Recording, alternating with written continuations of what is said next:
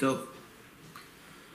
אנחנו לומדים בהקדמה לספר הזוהר לרבי יהודה לייב הלוי אשלג, זכר צדיק וקדוש לברכה, ואנחנו עסוקים בחלוקה שבה הסולם מחלק בצורת העבודה של האדם במהלך החיים.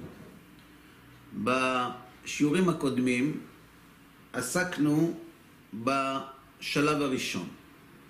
השלב הראשון היה פיתוח הרצון לקבל החומרי והגשמי הטבעי שיש באדם והמטרה שלו, של הפיתוח הזה, להביא את האדם אל ההבנה שהמימד החומרי לא עתיד לספק את הסחורה. כלומר, לא ימצא האדם סיפוק במילוי הצרכים החומריים שלו. וכמו שאמרנו בשיעורים הקודמים, כמעט כל אדם מגיע לתובנה הזאת לפחות פעם אחת במהלך החיים. יש כאלה שבעקבות ההבנה הזאת יבקשו שינוי, ויש כאלה שיאמרו, ככה זה העולם, ויתייאשו. מה ההבדל בין השניים? האמת שאין הבדל כל כך משמעותי, כי בסופו של דבר כל האדם יגיע אל המסקנה הזאת ויבקש את השינוי. ההבדל בין בני האדם זה כמה התנסויות הוא עוד יעבור עד שהוא יבין שאין ככה זה, אלא שחייבים למצוא משמעות. השלב הזה שבו האדם מבין שהמימד החומרי לא מספק את הסחורה, והוא מבקש משמעות שהיא מעבר לחושים, כלומר, קוראים לזה רוחנית, לשלב הזה קוראים י"ג שנים ויום אחד. מדוע? כי חז"ל מלמדים אותנו שכאשר הנער נכנס בעול המצוות, בגיל 13 שנים ויום אחד, נכנס בו היצר הטוב. מהו היצר הטוב? באיזה צבע הוא? איזה ריח יש לו? מה הדרישות שלו? מה זה יצר הטוב? יצר הטוב. היצר הטוב אומר לאדם לעשות מצוות, והיצר הרע, או, הוא אומר לאדם לעשות עבירות. נכון? זו החלוקה. לכן, צריך לנצח את היצר הרע. לעשות מצוות ולא לעשות עבירות. וכמה שהיצר הטוב יתגבר על היצר הרע, כך האדם יזכה לגן עדן. וכמה שהיצר הרע יתגבר על היצר הטוב, אז זה יקבע את מנת הגיהינם שלו. נכון? ככה אנחנו לומדים. האם זה נכון? התשובה היא כן. זה בהחלט נכון. זה נכון מאוד. צריך לדעת, גם כשאנחנו מתבוננים פנימה, כדי להגיע פנימה יש חוצה. והחוצה הוא לא עטיפה שקרית.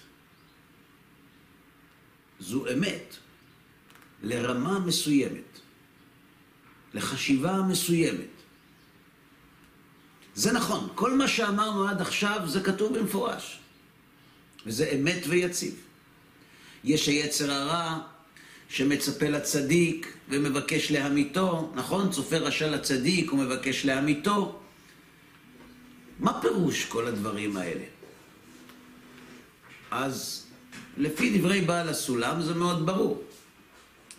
היצר הרע זה אנחנו. מה זאת אומרת אנחנו? הרצון שלנו להתענג בכל דרך זה יצר רע. זו צורה רעה של שימוש ברצון. בסדר? למה הצורה של שימוש ברצון בדרך של נטילה הוא שימוש רע. למה הוא יצר רע? כיוון שכאשר האדם עוסק בנטילה, הוא בונה חומה של הרגשה, או יותר נכון, שמונעת את ההרגשה בינו ובין הבורא, שזו תכלית הבריאה. כי הרי למדנו שבמימד הרוחני, שינוי הצורה גורם לריחוק, והשתוות הצורה גורמת להתקרבות והרגשה. לכן כאשר האדם משתמש ביצר הרע, דהיינו ברצון שלו, בדרך שלילית, שמרחיקה אותו מהרגשת הבורא, זה רע. צופה רשע לצדיק ומבקש להמיתו. מדוע הרשע ממית את הצדיק? כי כאשר האדם לא מגיע להרגשת הבורא, הוא לא זוכה להידבק בנצח. ואי ההידבקות בנצח היא מוות. היא מוות עוד לפני שהגוף מתכלה, מפני שעל שם סופו הוא נקרא. נכון? כל העומד להישרף למדנו כשרוף דמים.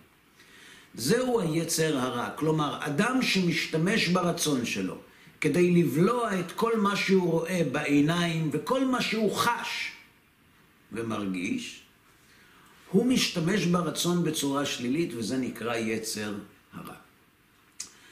ואז הילד מגיע לבר מצווה ונכנס בו יצר טוב. מהו היצר הטוב? למה היצר בדרך של נטילה הוא רע? כי הוא מרחיק את האדם מהרגשת הבורא. אז אם הוא ישתמש ברצון בצורה שמקרבת אותו אל הבורא, זהו שימוש טוב ברצון, ולכן אנחנו נגדיר אותו יצר טוב. נכון? איך עושים שימוש ברצון שמביא את האדם להידמות לבורא? ולהתקרב אליו על ידי שימוש בכוח הנתינה וההשפעה או ההתגברות על הגורם המפריד בינינו לבין הקדוש ברוך הוא. דהיינו, התגברות על הרצון לקבל. כיבוש התאווה, הקנאה והכבוד מביאים את האדם לדבקות בבורא, כי זהו יצר טוב. לעומת זאת, אדם שנכנע לתאווה, לקנאה או לכבוד, אלו שימושים שמוציאים את האדם מן העולם. דהיינו, מרחיקים אותו מן הנצח. עד כאן ברור? התורה והמצוות אלו ציוויים שהקדוש ברוך הוא ציווה אותנו בהר סיני לקיים. ובמצוות ובתורה ישנו כוח שמביא את האדם להתגבר על הרצון לקבל שלו. ויש לזה כמה מימדים, נמוכים יותר, עמוקים יותר, אבל צריך לדעת שהזוהר הקדוש כותב שלתורה ולמצוות יש שני תפקידים שמתחלפים לפי הזמנים. קורא לזה הזוהר תרי"ג עיתין ותרי"ג פיקודין, כלומר 613 עצות ו-613 אורות. כשאדם נמצא בשלב הראשון של העבודה שלו, המצוות הן עצות כיצד להגיע למדרגה שהוא יהיה מסוגל לקבל את אותם אורות שגנוזים במצוות הללו. כלומר, מצוות התורה יש בהם כוח להביא את האדם להתגברות על הרצון לקבל. אבל אם נלך לרובד יותר פשוט ומובן לנו, התורה מעניקה לאדם מטרה שלא מסתכמת בחומר. כלומר, היא מסוגלת להרים את האדם מעבר לארבע אמות החומריות שלו לשימוש ברצון לקבל כפי שנעשה בו שימוש לפני י"ג שנים. כלומר, התורה נותנת לאדם רובד חדש, יעד חדש, קומה חדשה של משמעות לחיים. שלא לשמה. אנחנו שלא לשמה מדברים. אבל עדיין מצאתי את האמת, הוא אומר. מצאתי את האמת. יש לי בשביל מה לקום בבוקר. ולמה אתמול לא היה לך בשביל מה לקום בבוקר? כי אתמול הייתי במצב שהסתכלתי ואמרתי, אז יהיו לי שלושה, ארבעה בתים. עיר תהיה לי, ואז מה? אבל עכשיו, עכשיו יש לי בשביל מה לחיות, יש לי משמעות. כלומר, התורה והמצוות נותנים לאדם מרחב חדש, לא חומרי, וזהו יצר טוב. למרות שהוא עדיין משתמש ברצון שלו בדרך של נטילה ולא נתינה, בכל אופן אנחנו קוראים לזה התפתחות. כלומר, בגיל 13 זהו מצב שבו האדם מבקש משמעות רוחנית ונצחית לקיום שלו. ברור? אם אתם רוצים לראות את, ה...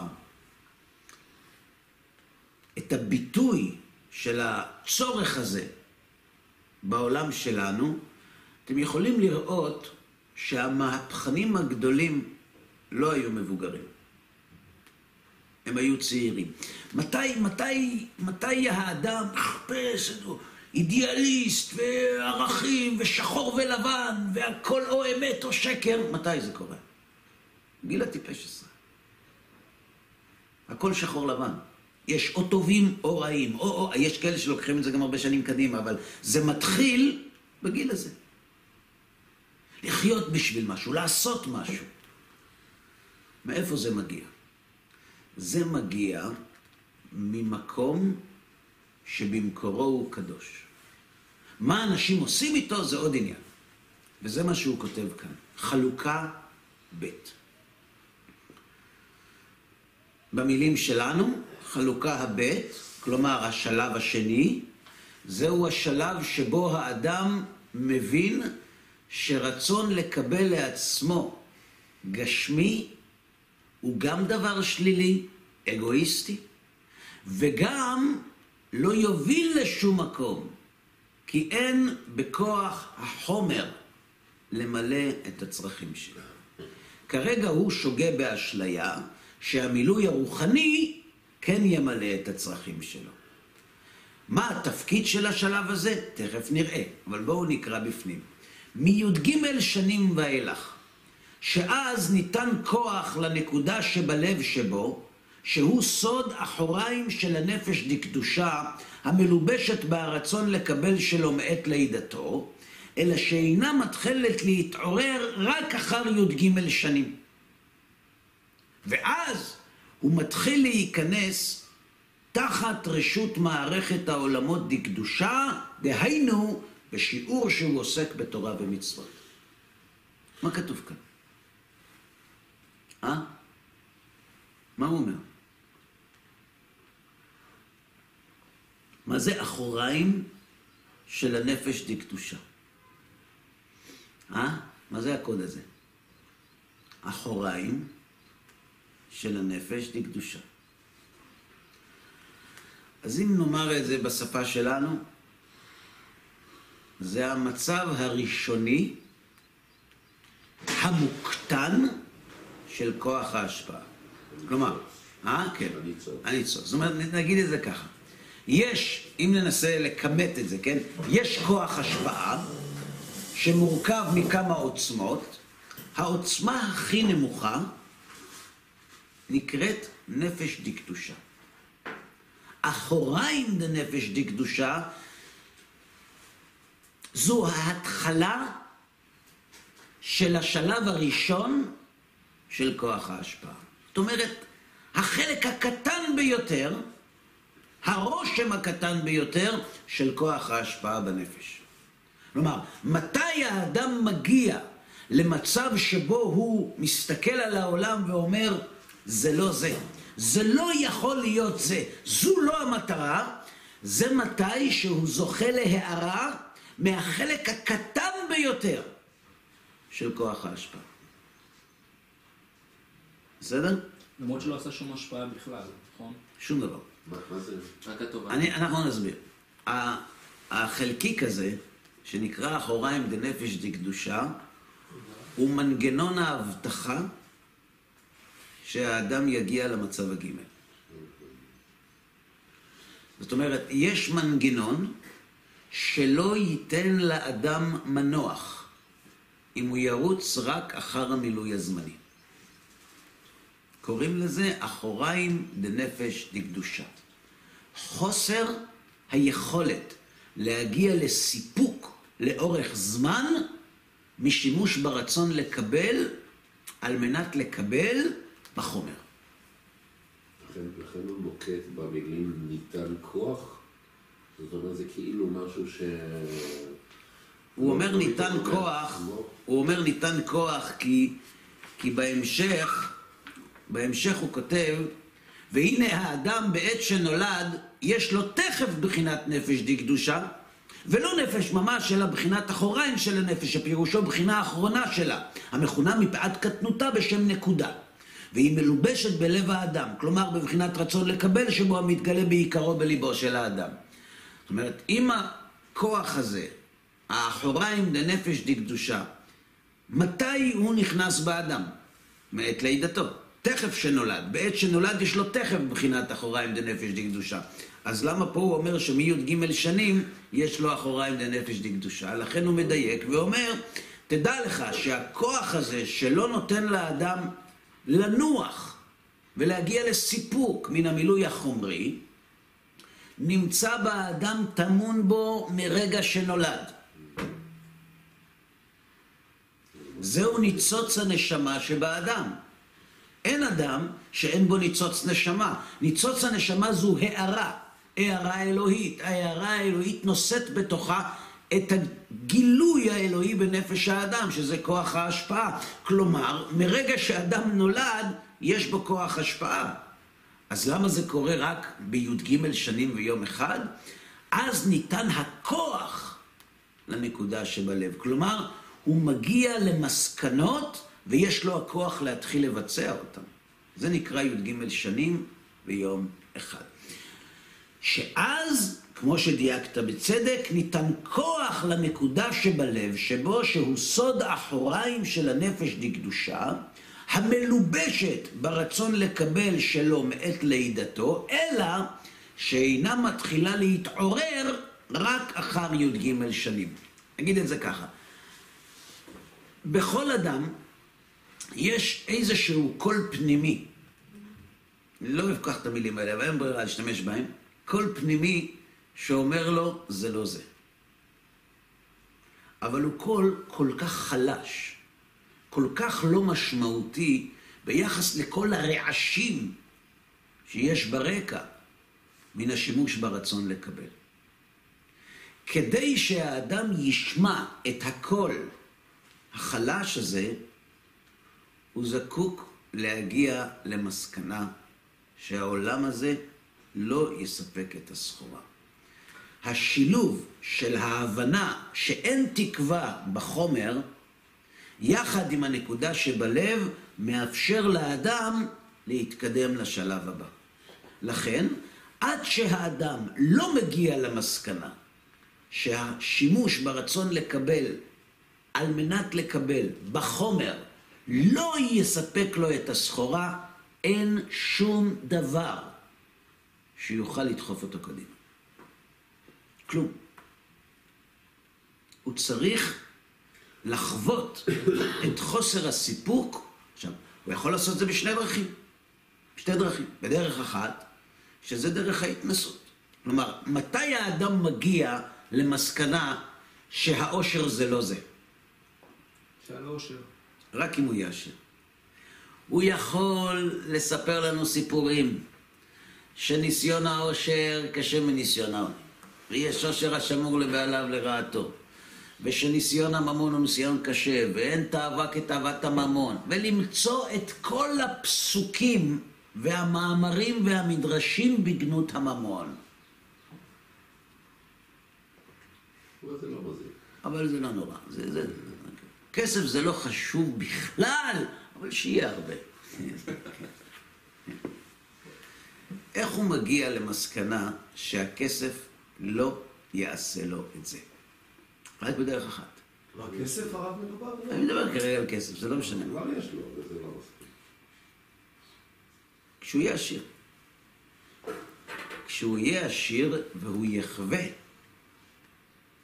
ירגיש, יחוש, עד כמה האדם יכול להישאר אומלל למרות שיש לו כסף.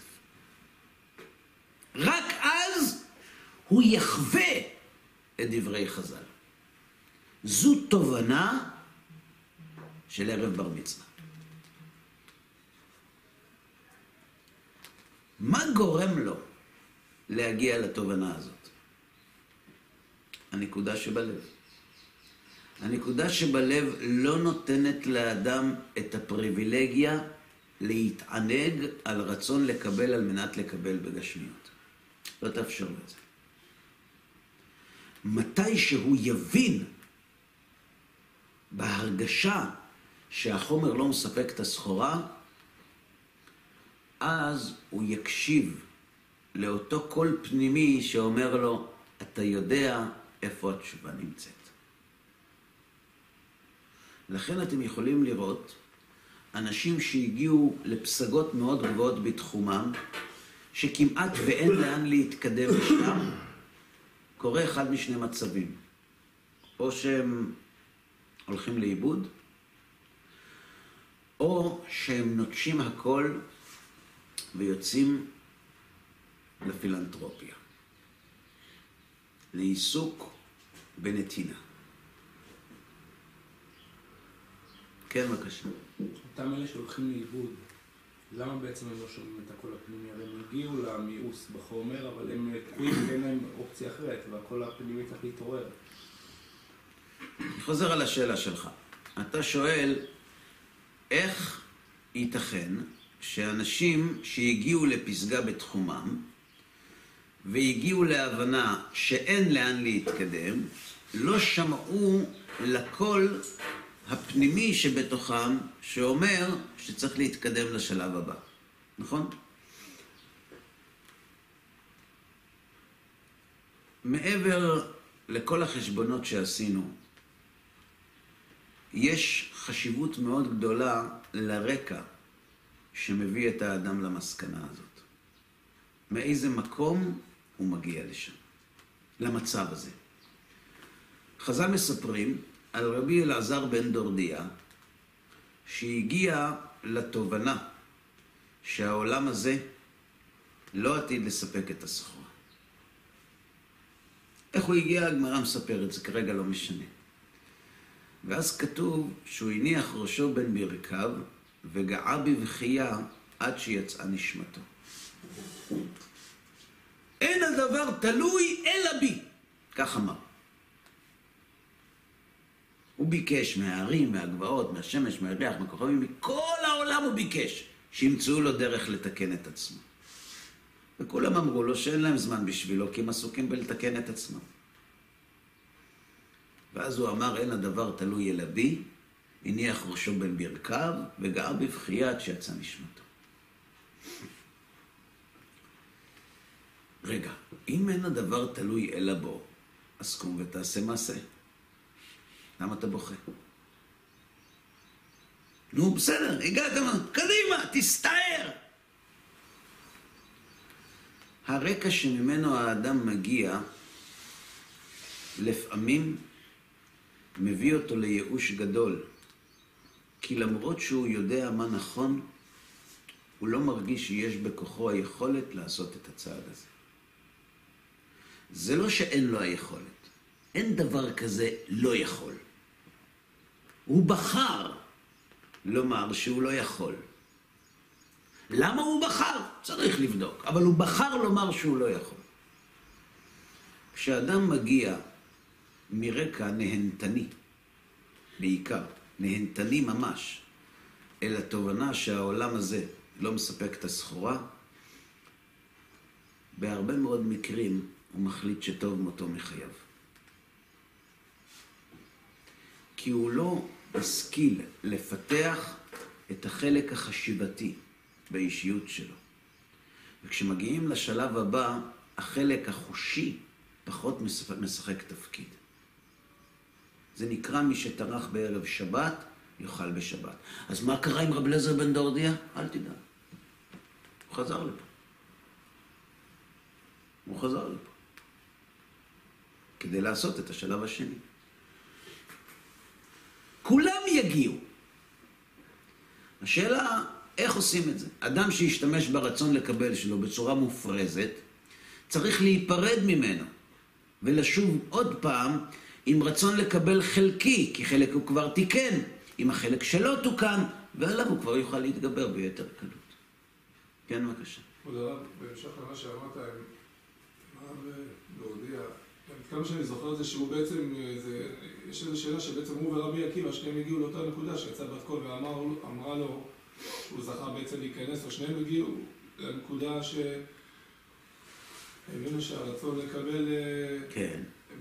במקסימום שלו, ושניהם בעצם הגיעו לאותו שער, לאותה נקודה, אחד טרח בשנים רבות, ואחד הגיע לתובנה שהוא פחד עד שיצא נשמתו. אני חוזר על השאלה שלך.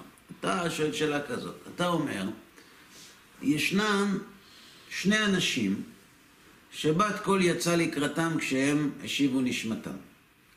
אחד רבי עקיבא, ושני רבי אלעזר בן דורדיה. לרבי עקיבא יצא בת קול ואמרה אשריך רבי עקיבא שאתה מזומן לחיי העולם הבא, נכון? וגם לרבי אלעזר בן דורדיה. ואתה אומר, רגע, רבי עקיבא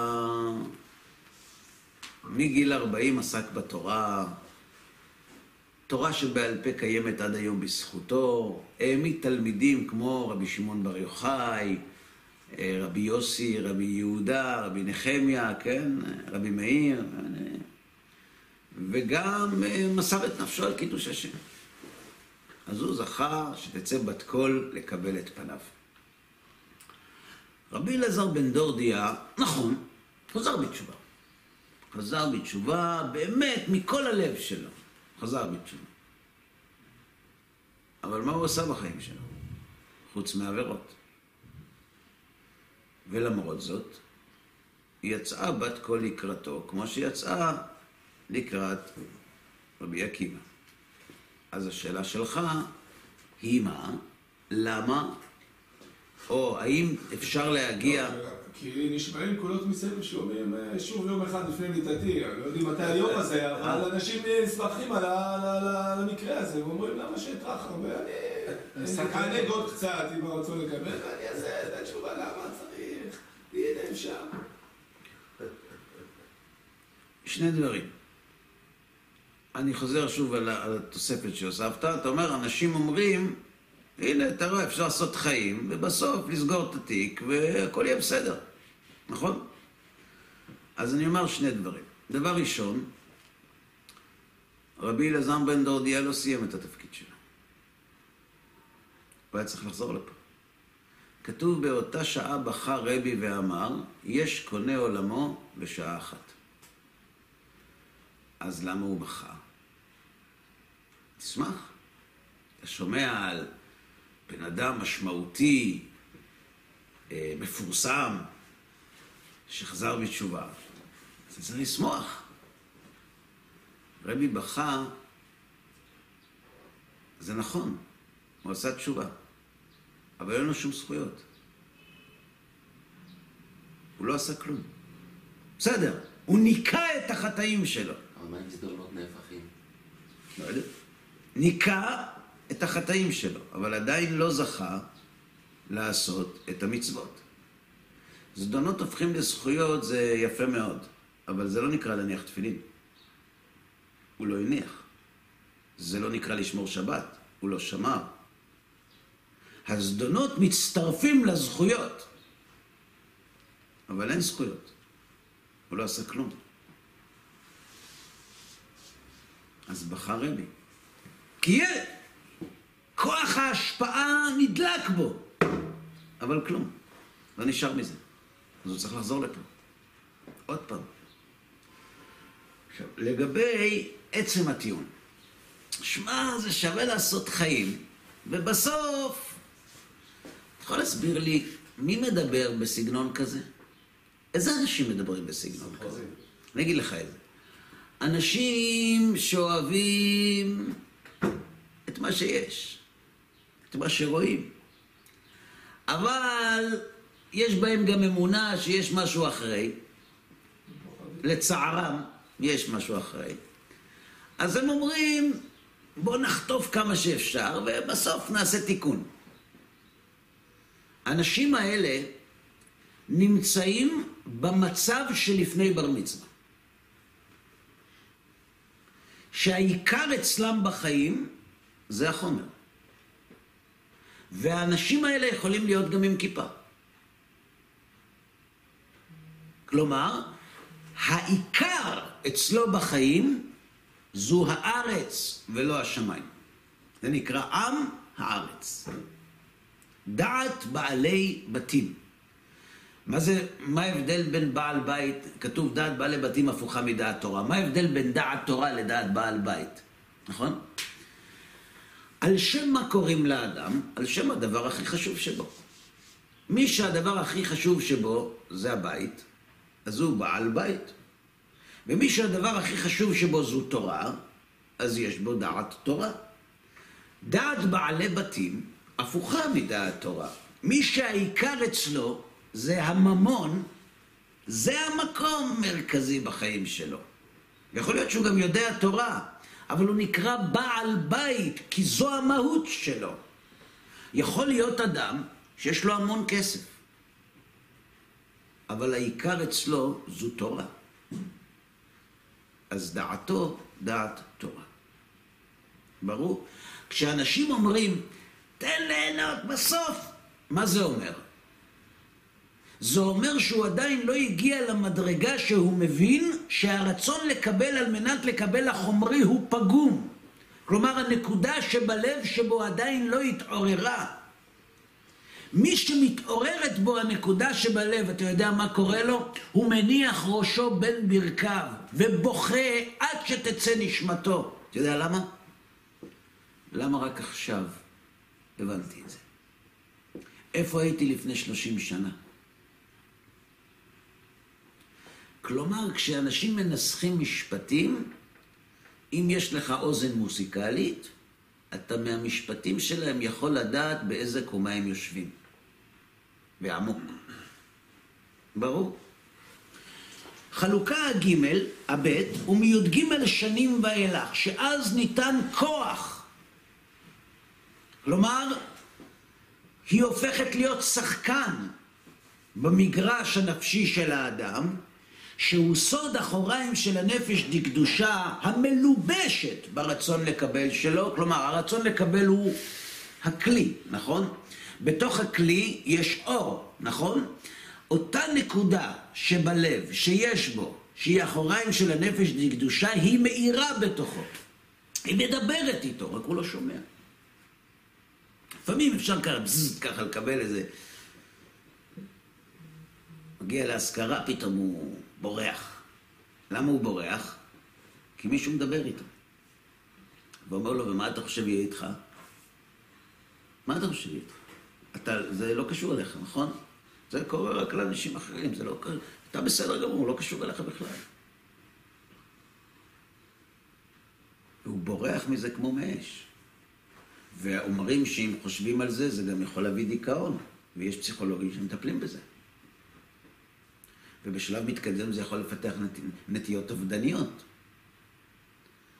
היהדות אומרת שהנקודה שבלב היא הדבר הכי טוב שיכול לקרות לאדם, בתנאי אחד, שיש קומה נוספת. מי שלא מאמין שיש קומה נוספת והנקודה שבלב מאירה, הוא מגיע לדיכאון, לייאוש. אתם יודעים איך קוראים לו? פילוסוף. כן. מה רצית? לא, רציתי לדעת אם בכל הכיסויים האלה, עד שבן אדם מגיע לנקודה, זה בעצם הקליפות, שבעצם אנחנו לאט לאט מתקלפים, או זה לא אני לא מילה? יודע, אני לא יודע, לא אוהב את המילים. מה זה קליפות? קליפות, גם אנחנו הזכרנו את המילה הזאת. אנחנו הזכרנו גם את הפירוש שלה. מה הפירוש של המילה קליפות? הסרה של הרצון לקבל. אה, אה? זה חידוש.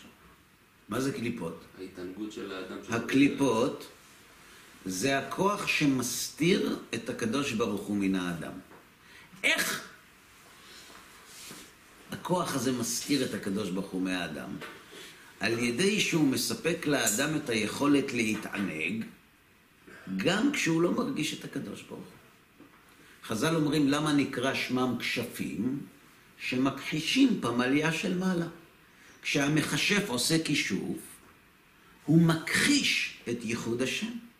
הנה, גם אני פה, הוא ברא את העולם, אבל אני גם יכול לעשות דברים. נכון? כאשר האדם מסוגל להתענג משימוש ברצון לקבל, על מנת לקבל, אני רוצה זה יותר פשוט, כאשר האדם יכול לאכול חזיר וליהנות מהטעם, זה אומר שאין סינכרון בין הציווי האלוהי לבין מה שקורה בעולם. זה נקרא קליפות. למה קוראים לזה קליפות? כי זה מכסה על הפרי. כי זה מסתיר את הפרי. זה הכול. נכון שיש יש כאלה שמייחסים לקליפות ככה מין כזה הילה מיסטית שחורה עם חרבות וזה. יכול להיות. אבל בעל הסולם מסביר בדרך שלו מה הכוונה, מה המשמעות של המושג קליפות. בסדר? ועיקר התפקיד בעת ההיא, טוב, אז מה, מה עושים כשמגיעים לבר מצווה, חוץ משמניחים תפילין? אה? נכון? אגב, למה מניחים תפילין דווקא בבר מצווה? יכול להביא סידור?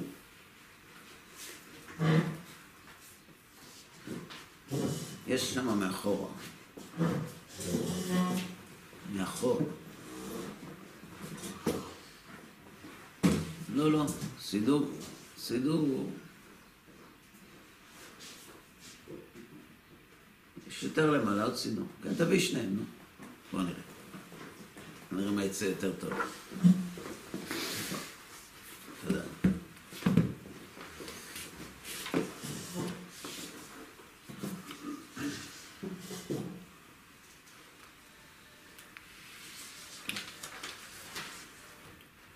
לשם ייחוד קודשה בריך הוא ושכינתה. בדחילו ורחימו. לייחד שם י"ק בו"ק. בייחודה שלי. בשם כל ישראל. טוב, זה הנוסח הקבוע שכולנו מבינים מה הוא אומר. הנני מכוון בהנחת תפילין, א', לקיים מצוות בוראי שציוונו להניח תפילין, ככתוב בתורתו. וקשרתם לאות על ידיך והיו לטוטפות בין עיניך. כוונה ראשונה זה לקיים את המצווה שהשם ציווה אותי. והם ארבע פרשיות אלו. שמע, והיה עם שמוע, קדש ויקיבך. שיש בהם ייחודו ואחדותו יתברך שמו בעולם. ושנזכור ניסים ונפלאות שעשה עמנו ביוצאנו ממצרים. ואשר לו הכוח והממשלה בעליונים ובתחתונים לעשות בהם כרצונו. בסדר? וציוונו להניח על היד לזיכרון הזרוע הנטויה, ושהיא נגד הלב, לשעבד בזה תאוות ומחשבות ליבנו לעבודתו יתברך שמו. ועל הראש נגד המוח, שהנשמה שבמוחי עם שאר חושיי וכוחותיי, כולם יהיו משועבדים לעבודתו יתברך שמו. עכשיו נכון ברור למה מניחים תפילין בבר מצווה? מה זה י"ג שנים? י"ג שנים זו ההבנה שהעולם הגשמי לא עתיד לספק לנו את הסחורה. ואז האדם מבקש את המימד הרוחני. לשעבד את הרצון לקבל שלו לתחום הרוחני. וכיוון שהרצון לקבל מחולק לשניים, יש רצון לקבל שבלב, בליבה, ויש רצון לקבל שבמוח, במוחה. צריך לשעבד את שני החלקים האלה של הרצון לקבל לתחום הרוחני. הלב זו התאוות של האדם. והמוח זו הדעת שלו. יש רצון לקבל בדעת, ויש רצון לקבל בלב. יש תאווה להבין, שזה למלא את חסרון הדעת, ויש תאווה להרגיש, שזה למלא את חסרון הלב. ובבר מצווה מניחים לילד תפילין על היד ועל הראש, כדי להזכיר לו שהוא צריך לשעבד את חלקי הרצון לקבל שלו לרוחניות ולא לגשמיות. נכון, בשלב מתקדם יותר זה צריך להיות לשמה, אבל מתחילים את התהליך. ועיקר התפקיד בעת ההיא הוא להשיג ולהגדיל את הרצון לקבל הרוחני.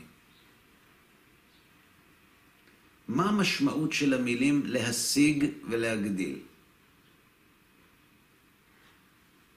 להשיג זה לחוות בלב, להגדיל זה. התשובה נמצאת בשורה הבאה. כי מעת לידתו אין לו רצון לקבל אלא לגשמיות. בלבד.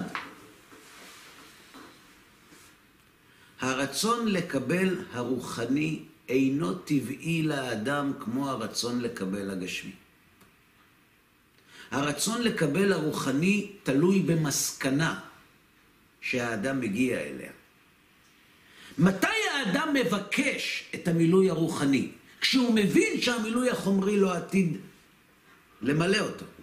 כלומר, זה פועל יוצא של מסקנה, של מחשבה. זה לא משהו מולד. כשתינוק נולד, הוא מיד רוצה לאכול. זה מולד, זה טבעי אצלו.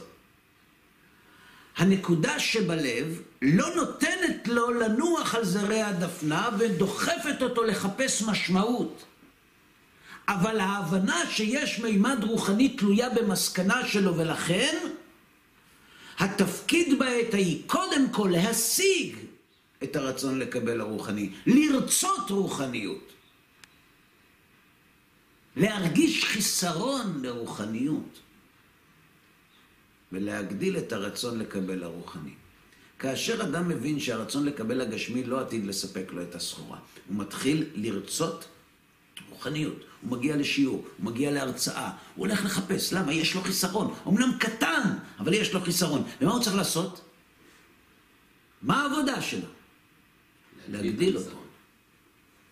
להגדיל אותו ולהגדיל אותו ולגדל אותו וללטף אותו ולפתח אותו עד שיגיע לשיא גודלו ותפארתו מבחינת התפתחותו. זהו השלב השני. כן, בבקשה.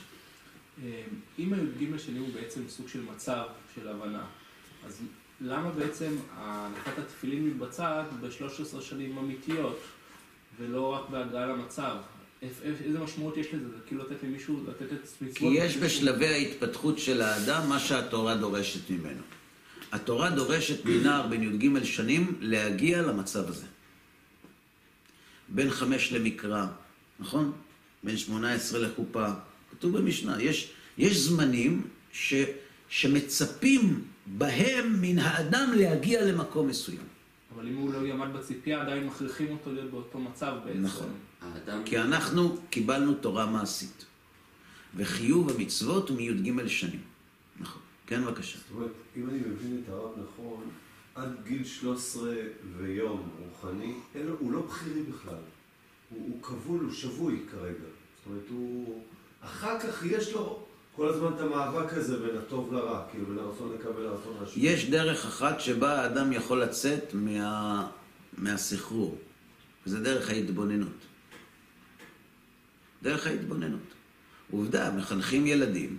כשאתה מחנך ילדים לקיים מצוות, אתה מפתח בהם, אתה מקדים לפתח בהם את התאווה לרוחניות, עוד לפני שהם פיתחו את הרצון לקבל הגשמי הגדול שלהם.